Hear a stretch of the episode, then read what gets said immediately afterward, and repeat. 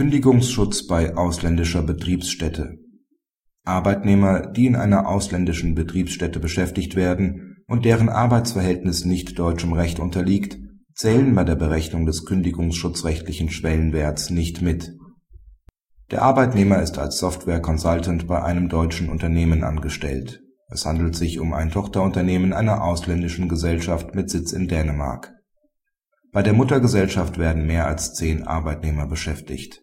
Bei der deutschen Tochtergesellschaft wird der Schwellenwert nach § 23 Absatz 1 Kündigungsschutzgesetz nicht erreicht. Ob zwischen beiden Unternehmen ein Gemeinschaftsbetrieb besteht, ist zwischen den Parteien streitig.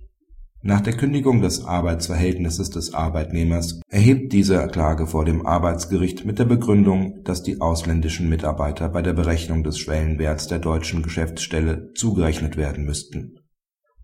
Das BAG hält die Klage für unbegründet das Kündigungsschutzgesetz findet auf die angesprochene Kündigung keine Anwendung. In der vom Arbeitgeber in Deutschland unterhaltenen Betriebsstätte wird die erforderliche Arbeitnehmerzahl unstreitig nicht erreicht.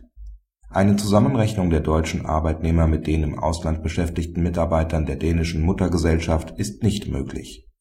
Dies gilt selbst dann, wenn die deutsche Beschäftigungsstätte als Teil eines Gemeinschaftsbetriebs mit dem von der Muttergesellschaft im Ausland unterhaltenen Betrieb anzusehen wäre die Arbeitsverhältnisse unterliegen unterschiedlichen Rechtsordnungen und können somit nicht zum Zwecke der Eröffnung des Anwendungsbereichs einzelner Gesetze des jeweils anderen Rechts zusammengerechnet werden.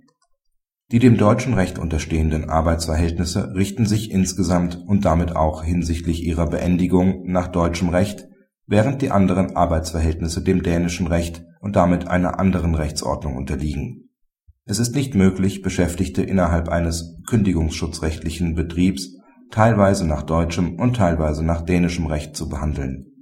Es ist somit unerheblich, ob Mutter und Tochtergesellschaft einen Gemeinschaftsbetrieb unterhalten. In beiden Fällen wäre es nicht möglich, das deutsche Kündigungsschutzrecht auf den gesamten Gemeinschaftsbetrieb anzuwenden.